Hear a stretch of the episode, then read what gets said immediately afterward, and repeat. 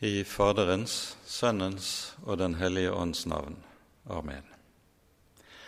Da ønsker vi hjertelig velkommen til en ny foredragstime, eller bibeltime, i denne serien i uh, rekken i lutherske fordypningsdager her fra Bergen, år 2020.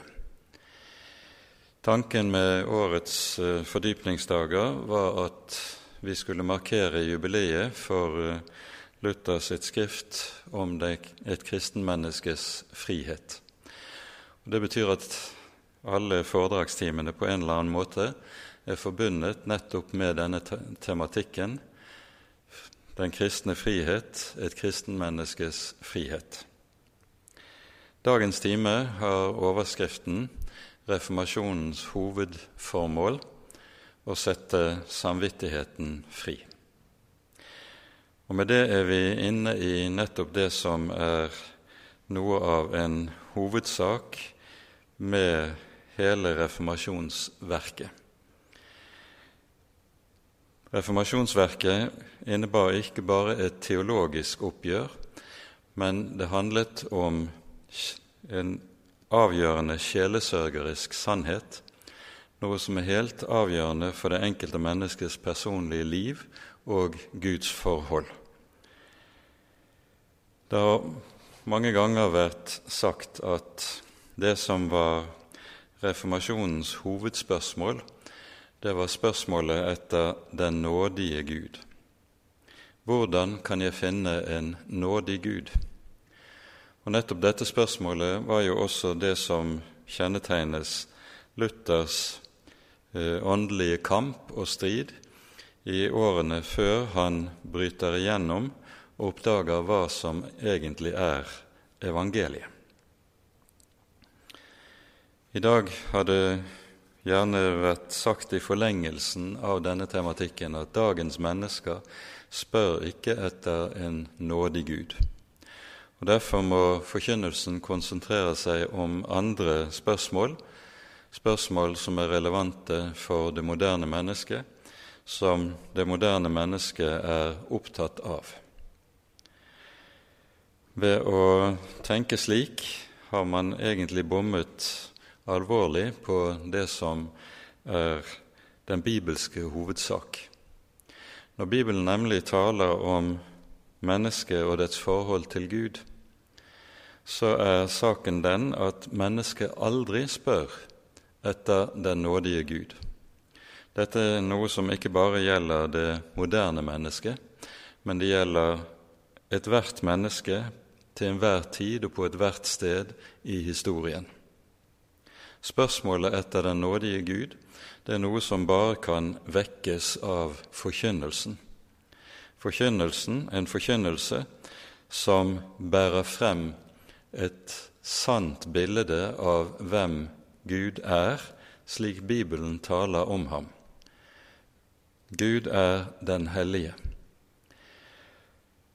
Og når et menneske ikke spør etter den nådige Gud, så er det rett og slett fordi det aldri har hatt med Gud å gjøre på ramme alvor. Om det har vært religiøst, om det har vært opptatt av en eller annen Gud, og det ikke har fått til følge at en spør etter den nådige Gud, så vil Bibelen fortelle oss at da har et menneske aldri hatt med Gud å gjøre. For den som får med Bibelens Gud å gjøre, han vil med en gang komme i den posisjon at han er en synder som er fortapt. Det moderne menneskets måte å tenke om disse ting på, det er ikke 'hvordan kan jeg finne en nådig Gud', men en snur saken på hodet hvordan kan Gud finne nåde for mine øyne? Og så gjør mennesket seg selv stor, setter seg over Gud og tenker at det store hovedsak er om jeg kan godta Gud, og ikke om hvorvidt Gud vil godta meg, om Gud vil være meg nådig. Som sagt, et menneske som tenker slik, har aldri hatt med Bibelens Gud å gjøre. For der Gud kommer, den sanne Gud, kommer et menneske nær. Der skapes det angst, angst for fortapelsen, angst for Guds vrede. For dette er en helt sentral side ved Bibelens tale om Gud. For Gud er den hellige, den som reagerer i møte med menneskets sinn, og denne Guds reaksjon, den helliges reaksjon i møte med menneskets sinn, det er alltid vrede og dom. Og Når et menneske har begynt å se det, begynt å erfare hva dette innebærer, slik som vi kan møte det som en erfaringssannhet hos en rekke mennesker i Den hellige skrift, da blir Gud ikke en hyggelig kar som du kan klappe på skulderen, men Gud blir farlig. Det blir farlig å ha med Gud å gjøre, nettopp fordi Han er den hellige. Og da blir spørsmålet akutt. Hvordan kan jeg finne en nådig Gud? Dette spørsmålet tvinger seg frem fordi Den hellige Gud krever at du og jeg skal være hellige. Og det som er min situasjon, det er at jeg med min synd står overfor den levende Gud som skyldig, som en skyldner. Vi bruker av og til uttrykket gjeldskrise om et menneske eller om en nasjon for den saks skyld, som har kommet inn i en stilling der en er fullstendig ute av stand til å betjene den gjelden en har satt seg i. Slik Bibelen taler om oss mennesker, så står vi nettopp i en gjeldskrise overfor Gud. Og den gjeldskrisen setter oss inn i et gjeldsslaveri. Det var dette som var Martin Luthers store nød og store kamp. Han hadde begynt å se seg selv i møte med den hellige Gud, og begynt å se hvilken gjeld han selv sto i overfor den levende Gud. Han strevet med seg selv for å bli slik Gud krever, for på denne måten om mulig å avbetale gjelden, at gjelden skulle bli mindre. Men han klarte aldri å bli slik som han skulle være. I Matteusevangeliet hører vi Jesus fortelle lignelsen om tjeneren som står i gjeld til sin herre med 10 000 talenter. Og Dette illustrerer nettopp det som vi taler om her. En talent var en vektenhet, og talent, en talent i sølv tilsvarte det en vanlig arbeider ville tjene i løpet av 20 års arbeid. Det å dermed skylde 10 000 talenter det er å stå i en så astronomisk gjeld at en vil være helt ute av stand til noen gang å kunne betale gjelden. Dette opplevet Martin Luther i møte med den hellige Gud. Og bevisstheten om sin egen synd, sin egen skyld, drev ham gang på gang inn i den dypeste fortvilelse og den dypeste nød. Spørsmålet etter den nådige Gud var for Martin Luther med andre ord overhodet ikke et rent teoretisk spørsmål som man kan løse gjennom en akademisk diskusjon. Det var et dypt, dypt eksistensielt spørsmål. Han visste seg å stå overfor den hellige Gud uten å være i stand til å svare ham ett eneste ord og avbetale en eneste penning på gjelden han sto i. Denne krisen varte for Martin Luther gjennom flere år, og han forteller selv om hvorledes han kom ut av dette. For krisen lå på ham, lå på samvittigheten hans, som en stadig tyngsel som plaget ham både dag og natt. I 1545 skal den første utgaven av Luthers samlede verker på latin utgis, og Luther blir bedt om å skrive forord til denne samlingen. Og Her skriver han bl.a. om hvordan han nådde gjennom til erkjennelse av hva evangeliet var. Han forteller at dette skjedde i det året da han skulle starte på sin andre serie med forelesninger over salmene, og dette var i 1518. Han sitter i sitt kammer og arbeider med romerbrevet. Og det er særlig en tekst som uh, han ikke kommer til rette med. Det er Romerbrevets første kapittel, vers 16 og vers 17. Og i vers 17 så står det at uh, i evangeliet åpenbares Guds rettferdighet av tro til tro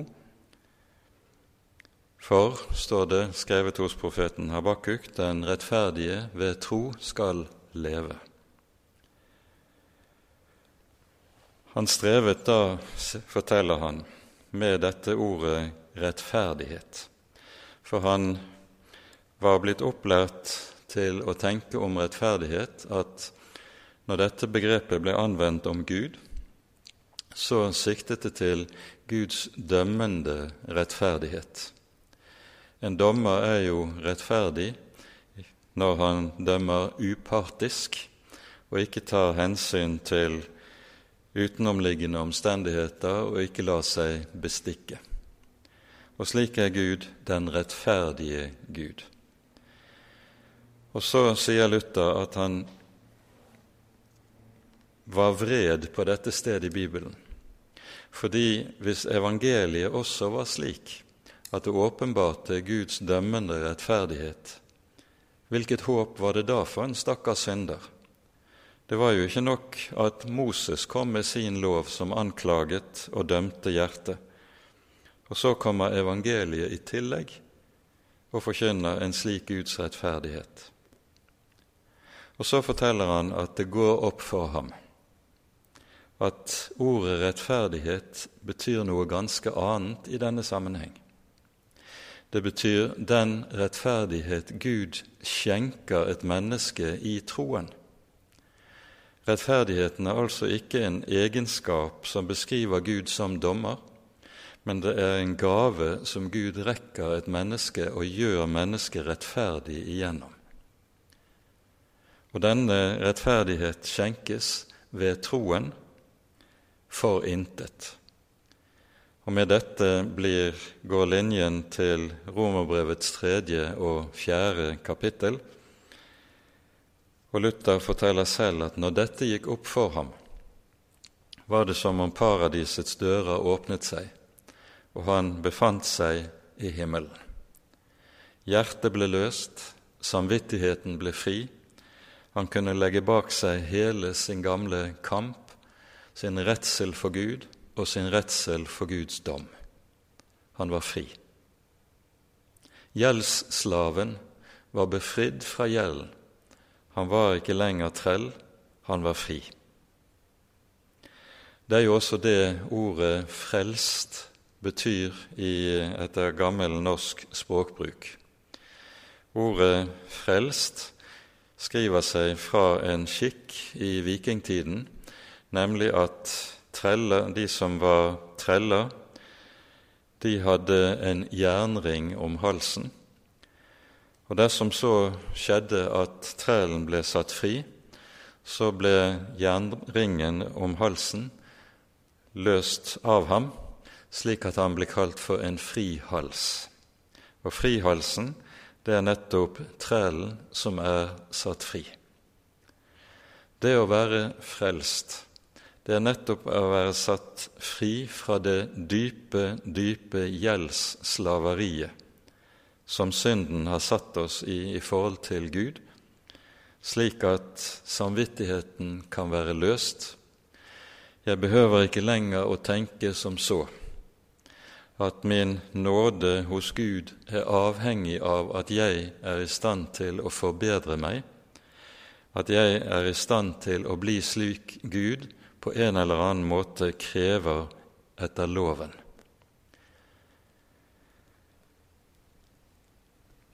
I kristen språkbruk kaller vi dette gjerne frelsesvisshet. Og nettopp ordet frelsesvisshet er et sentralt ord i eh, det vi taler om i dag.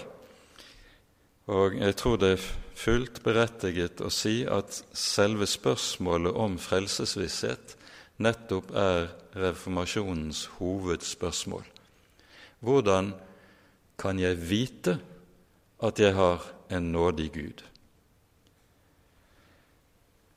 Her kan vi lese ordene i 1. Johannes brevs femte kapittel, der apostelen skriver slik.: Dette har jeg skrevet til dere for at dere skal vite at dere har evig liv, dere som tror på Guds Sønns navn. Frelsesvissheten den består altså i og er grunnet i at Gud skjenker en rettferdighet til synderen. En rettferdighet som innebærer at gjelden blir utslettet, synden blir tilgitt, og synderen blir i stedet rettferdig, stående fullkomment rettferdig overfor den hellige Gud. Så kan en stille spørsmålet på hvilket grunnlag er det Gud kan gjøre noe slikt? På hvilket grunnlag er det Gud kan rettferdiggjøre synderen? Her er det at Det nye testamentet holder frem for oss Jesu Kristi gjerning. For evangeliet, det er nettopp et budskap om vår Herre Jesus Kristus, og hans gjerning for syndere, for synderes skyld. Der, når, siden vi har brukt bildet om gjeld og gjeldsslaveri, så er det et annet begrep som anvendes meget i vår bibel når den taler om hvem vår frelser er. Han kalles Forløseren. Og ordet 'forløser' eller 'gjenløser' det er et ord som er hentet fra Det gamle testamentets billedbruk, og som beskriver Gud som den som betaler løsepenge. En forløser, en gjenløser, er den som betaler løsepenge, slik at den som sitter f.eks. i krigsfangenskap, eller den som er bundet i gjeldsslaveri, kan bli fri. Han blir fri for sin gjeld og fri fra fangenskapet. Og det er dette reformasjonen taler om når den taler om et kristen menneskes frihet. Frihetsbegrepet i reformasjonen det er ikke slik som det moderne menneskets tale om frihet er. Det moderne mennesket, når det taler om å være fri, så mener det med det at det er fri til å gjøre hva det vil, hva det måtte ha lyst til å gjøre, hva det ønsker. I reformasjonen så er frihetsbegrepet knyttet nettopp til dette. Jeg blir fri fra fangenskapet, fri fra min gjeld, fri fra slaveriet. Jeg står ikke lenger under den vrede Gud, men under den nådige Gud. Og Grunnen ligger altså i det at det er én som har betalt gjelden. Det er én som er min gjenløser og forløser. Og denne er Jesus Kristus. Evangeliet det er nettopp budskapet om Jesu Kristi gjerning som vår forløser, som vår gjenløser, som han som betaler gjelden for at jeg skal bli fri. Denne utløsning, den betaler han med sitt eget liv på korset. Korset og korsets budskap handler om én hovedsak. Det er at den hellige Gud tar min gjeld. Han tar min synd og legger den på sin sønn, slik at sønnen må betale. Sønnen må bære omkostningene ved min synd. Sønnen må gå inn under Guds dom og inn under Guds straff over min synd, over hva jeg er og hva jeg har gjort. Og nettopp det er det som skjer på korset. Jesus går inn som vår stedfortreder og bærer dommen ikke for sitt eget liv, for selv var han fullkomment syndfri men bærer dommen over ditt liv og over mitt liv. Det er ikke den synd i ditt og mitt liv som Jesus ikke har tatt på seg. Det er ikke den synd i våre liv som han ikke har båret omkostningene for. Når Jesus henger på korset, så bærer han Guds vredes dom over det vi har gjort. Og det gjelder det er en dom over alt. Ikke bare dom over alt det du gjorde før du kom til tro, før du ble et kristent menneske, men også dommen over alt du har gjort etter at du ble et Guds barn. Ja, vi kunne godt si han bar dommen også over vår kristendom. For ser vi sant på oss selv, så er vår kristendom markstukken. Den er slett ikke verken så helhjertet eller så varm som den skulle være. Tvert om preget av meget av skrøpelighet, svakhet, halvhet og hjertekulde. Vi elsker ikke Gud av hele vårt hjerte, av hele vår sjel og av all vår kraft, slik Herrens lov krever det. Evangeliet lærer oss det forunderlige at om vi ikke elsker Gud slik som Han krever i sin hellige lov, så har Han i sin Sønn elsket oss, elsket oss av alt sitt hjerte og av all sin sjel og all sin kraft, inntil det å gi livet for vår skyld på korset, bære dommen, betale gjelden, slik at du ikke lenger skal behøve å ha en eneste sinn på din samvittighet. Du skal vite alt det jeg har gjort, har Jesus betalt, har Jesus gjort opp for meg.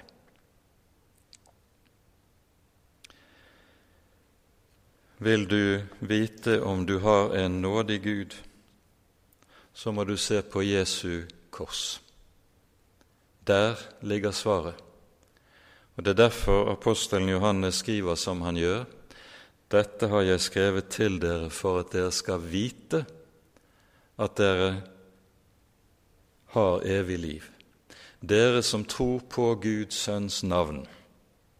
Å tro på Guds sønns navn er å tro på Jesus. Det er å tro på at Jesus er min stedfortreder overfor Gud. Det er å tro på at han på korset har gått inn under min synd, for at jeg skal få del i Hans rettferdighet og Hans hellighet. For det er det som skjer i rettferdiggjørelsen. I rettferdiggjørelsen får jeg del i den hellighet som er Guds sønns egen hellighet, slik at jeg blir stående ren, rettferdig, hellig og fullkommen for Gud ikke i meg selv, men i Kristus. Det er som profeten Jeremia sier det i det 23. kapittel, når han profeterer om den kommende Messias. Han sier om ham dette er det navn han skal kalles med, Herren vår rettferdighet. Jesus er min rettferdighet for Gud. Jeg har ingen rettferdighet i meg selv.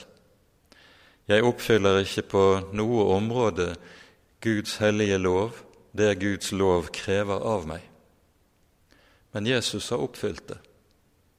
Han er min renhet, og han er min rettferdighet.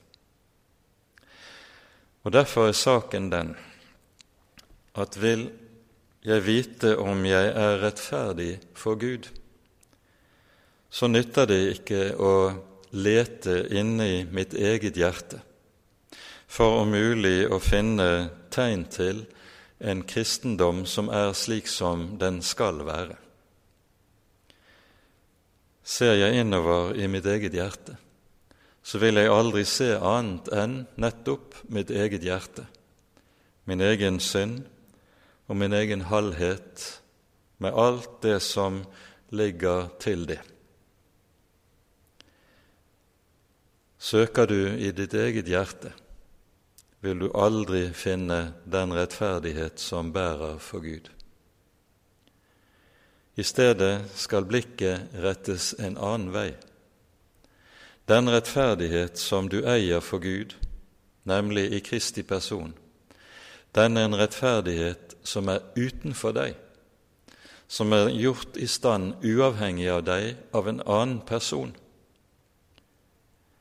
Det betyr at frelsesvisshet det er noe du aldri finner ved å lete inne i ditt eget hjerte. Frelsesvisshet er noe du ene og alene kan eie og ha ved å se bort fra deg selv, ved å se på Jesus. I ham har du det som holder for Guds domstol. I ham har du det som holder mål i Guds øyne. Du har det ikke i deg selv, og du kommer aldri til å få det i deg selv så lenge du lever her i verden. Og Derfor behøver du ikke å lete inni ditt eget hjerte. I katolsk teologi var det slik, og dette var en del av det Martin Luther var oppdratt med og opplært i, ikke minst gjennom sine studier, at et menneske aldri kunne ha, og heller ikke skulle ha, frelsesvisshet. Dette er også noe som faktisk blir fordømt senere under Tridentina-konsilet. Et menneske skal etter katolsk tenkning være usikker på sin egen frelse. For denne usikkerhet skal nettopp spore til at en søker å helliggjøre seg selv til å bli ren og rettferdig slik som Gud krever, i seg selv. Og avvisningen av frelsesvisshet begrunnes i at dette er en form for åndelig selvsikkerhet som er farlig. Dette viser eller peker på en grov misforståelse av hva frelsesvisshet er, slik som Den hellige Skrift taler om det. Frelsesvisshet er det stikk motsatte av selvsikkerhet. Når det gjelder meg selv, så kan jeg aldri være sikker på noe som helst. Jeg kan slett ikke være sikker på min kristendom. Jeg kan aldri bygge på min kristendom at den er slik som den skal være. Og når den siste dommens dag kommer og jeg skal frem for Guds domstol, så nytter det ikke å pukke på at min kristendom, den var i hvert fall i orden. For det er den ikke. Frelsesvisshet har ingenting med åndelig selvsikkerhet å gjøre. En kristen er, når det gjelder seg selv, meget usikker. Ja, han tviler på seg selv, han har overhodet ikke tro verken på seg selv eller sin egen kristendom. Frelsesvisshet, det er noe helt annet. Det er visshet om at det Jesus har gjort når han døde på korset for meg, og kommer til meg med evangeliet og sier, Du skal være min. Alle dine synder er tilgitt for min skyld. Da stoler jeg på Kristi ord som det ord som står fast om så himmel og jord skulle falle. Lyver Jesus? Har jeg noen som helst grunn til å være usikker på at det Jesus sier, er sant? Nei, tvert om, jeg kan være fullt viss på at det Jesus har sagt, det er sant. Det står om himmel og jord forgår.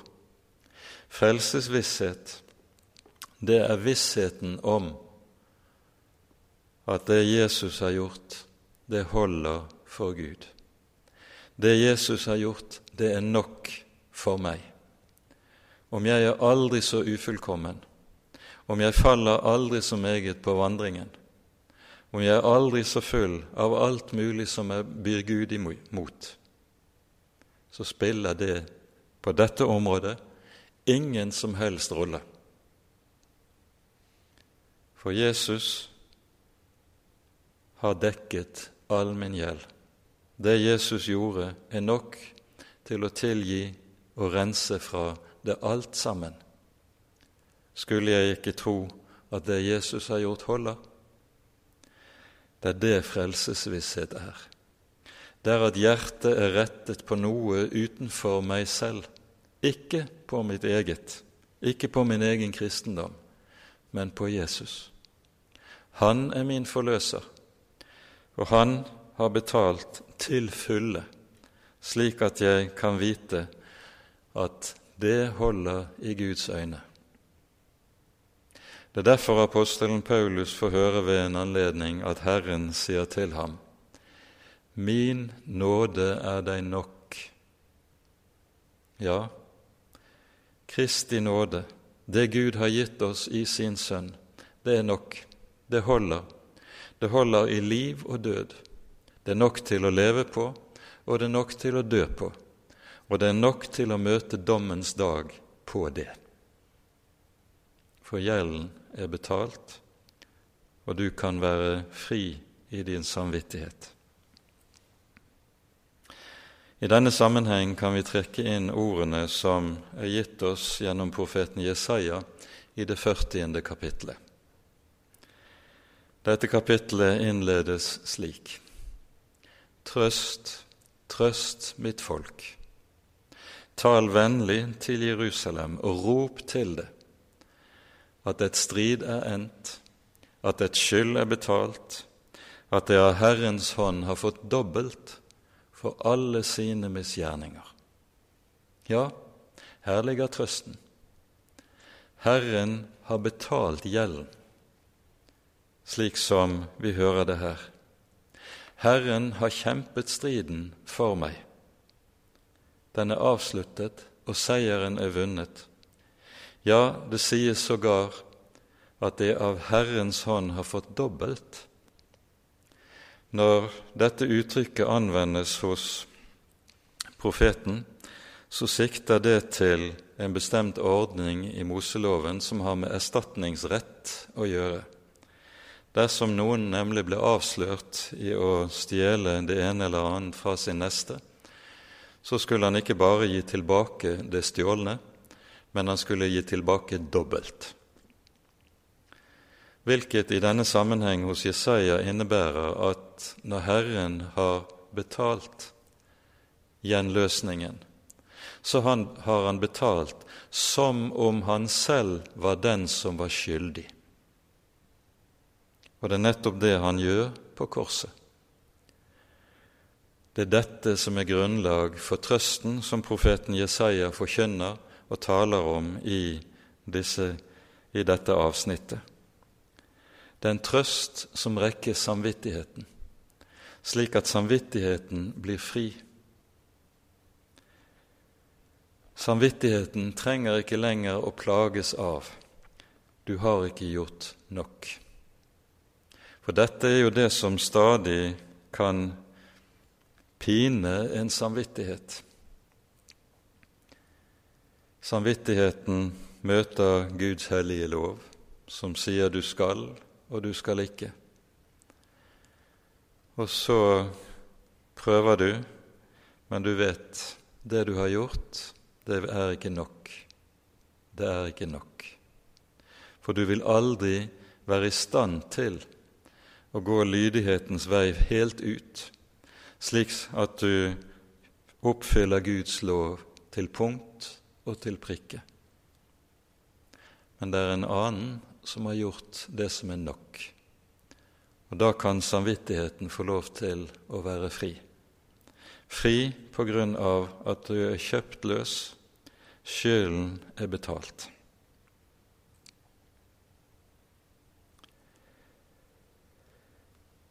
Det som vi taler om når vi taler om frelsesvisshet, det er noe som altså tales til det hjertet som har møtt den hellige Gud, og i dette møtet opplever fortvilelsen over seg selv, fortvilelsen over at jeg er som jeg er.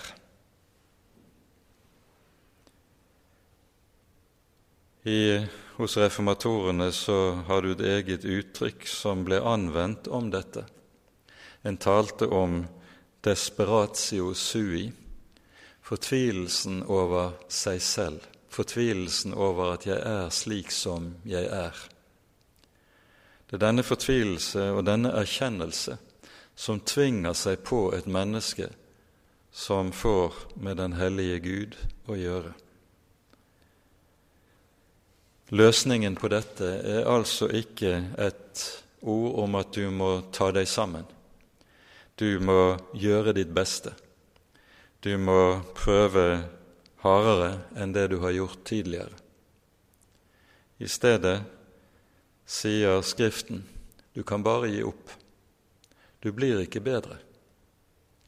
Det du skal gjøre, det er i stedet du skal høre ordet om Jesus. Han, han har gjort det som er nok, og som holder i Guds øyne. Tro på ham, regn med ham, tro at det er sant når han sier 'Jeg ga mitt liv for deg'. Jeg ga mitt liv for dine synders skyld.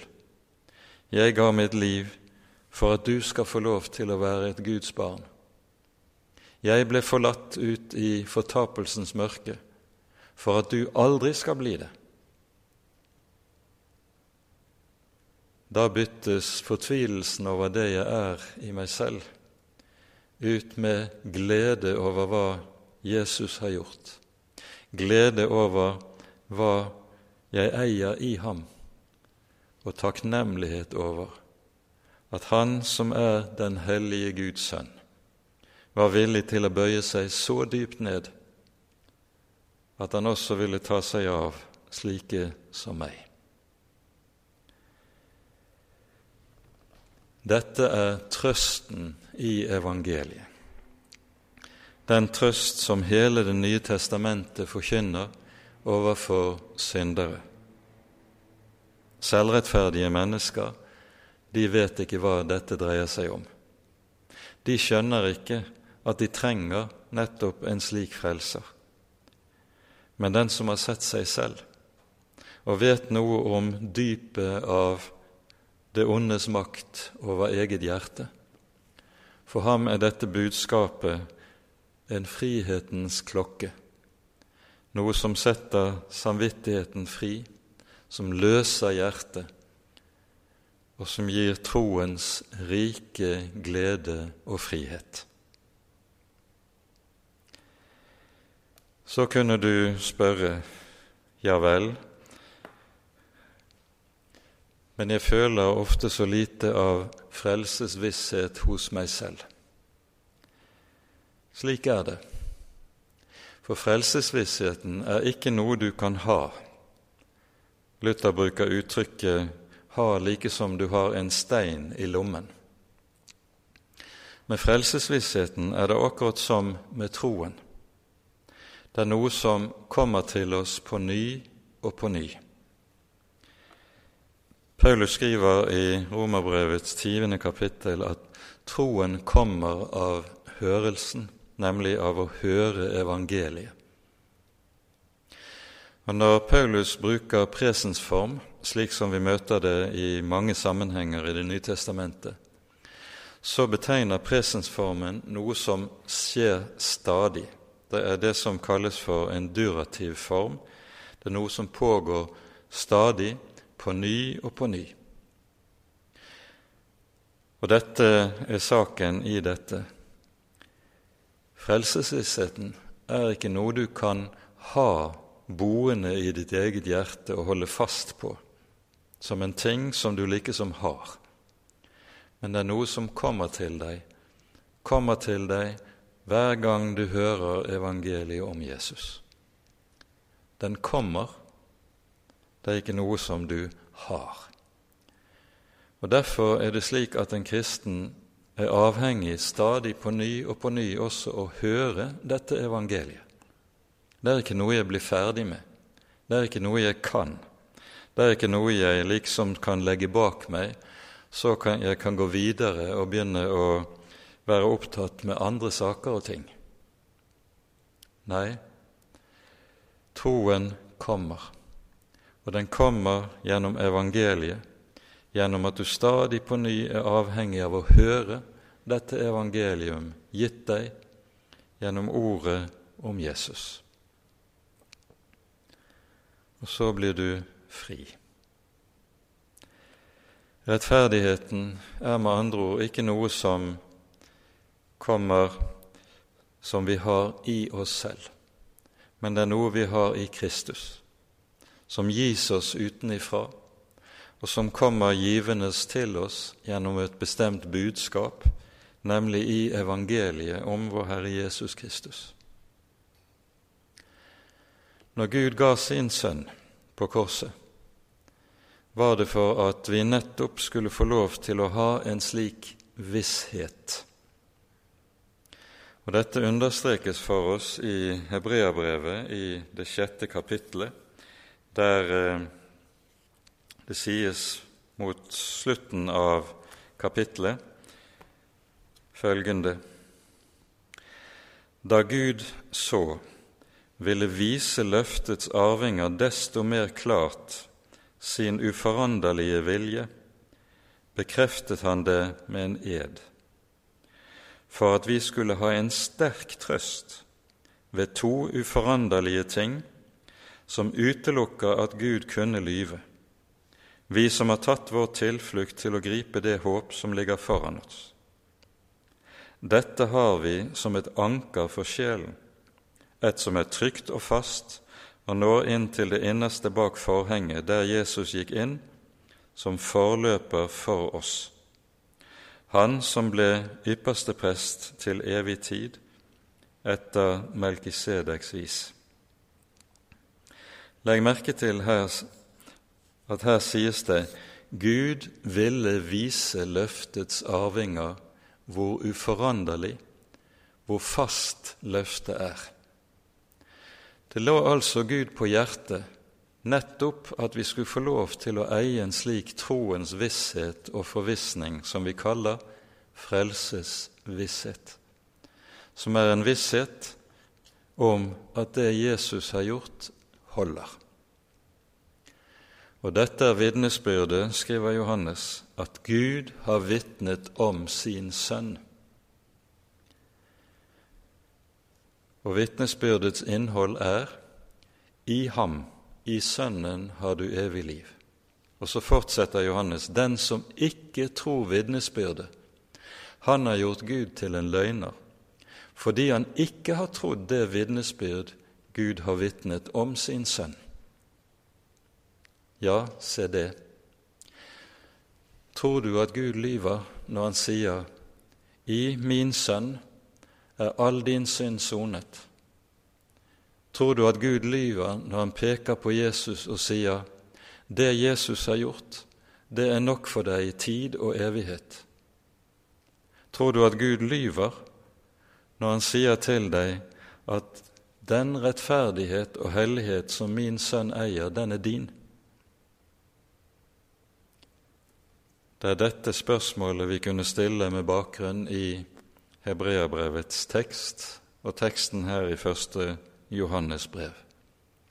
Nei, Gud ville vise hvor fast løftet var. Gud kan umulig lyve.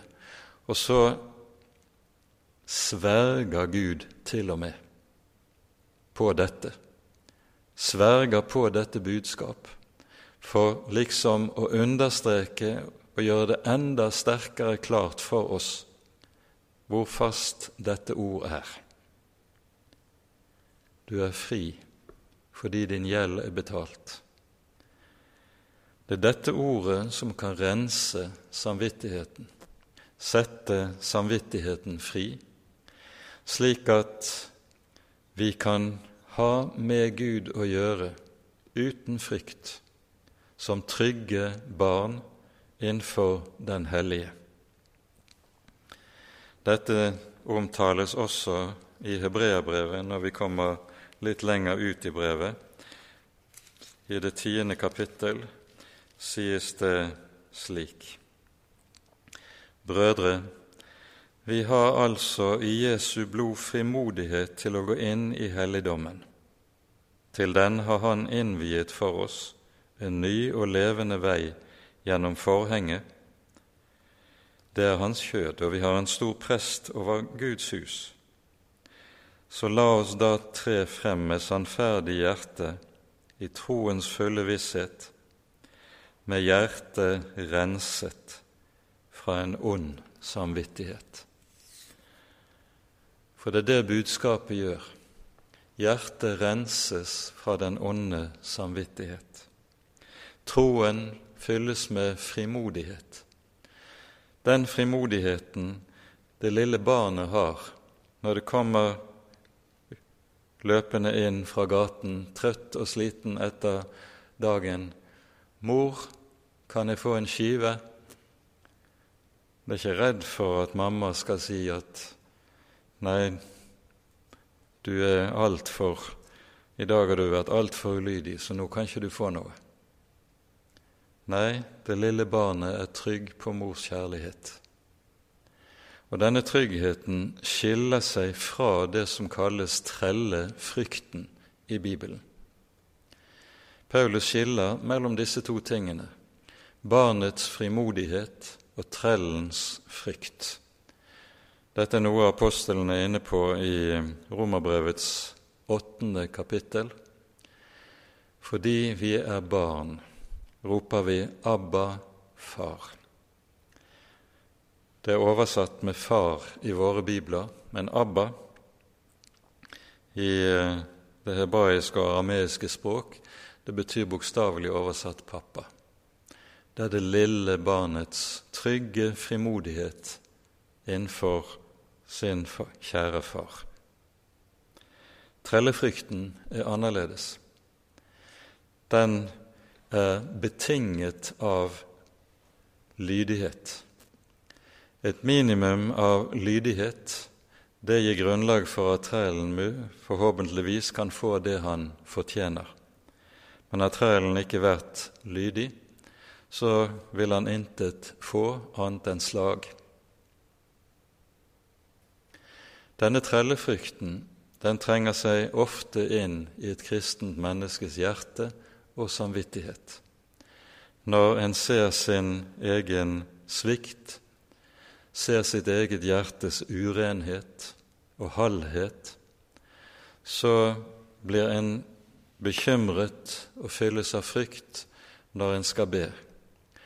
Gud vil sikkert ikke høre min bønn når jeg er slik som jeg er. Og motsatt.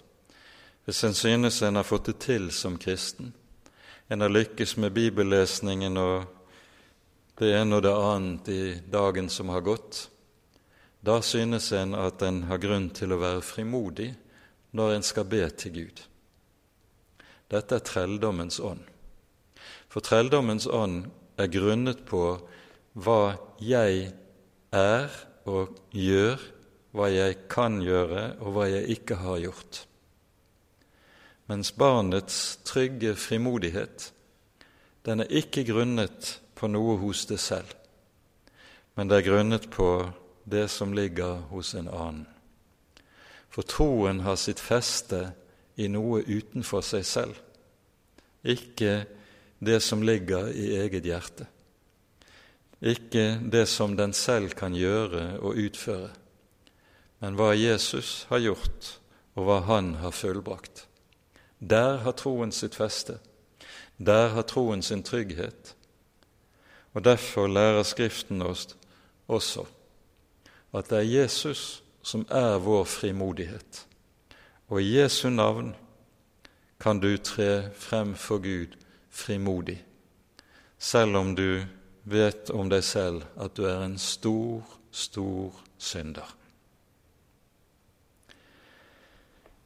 Den trygghet som vi her taler om, den har altså sin grunn i at det evangelium Gud har forkynt oss om sin Sønn, det står fast, det står fast som klippen.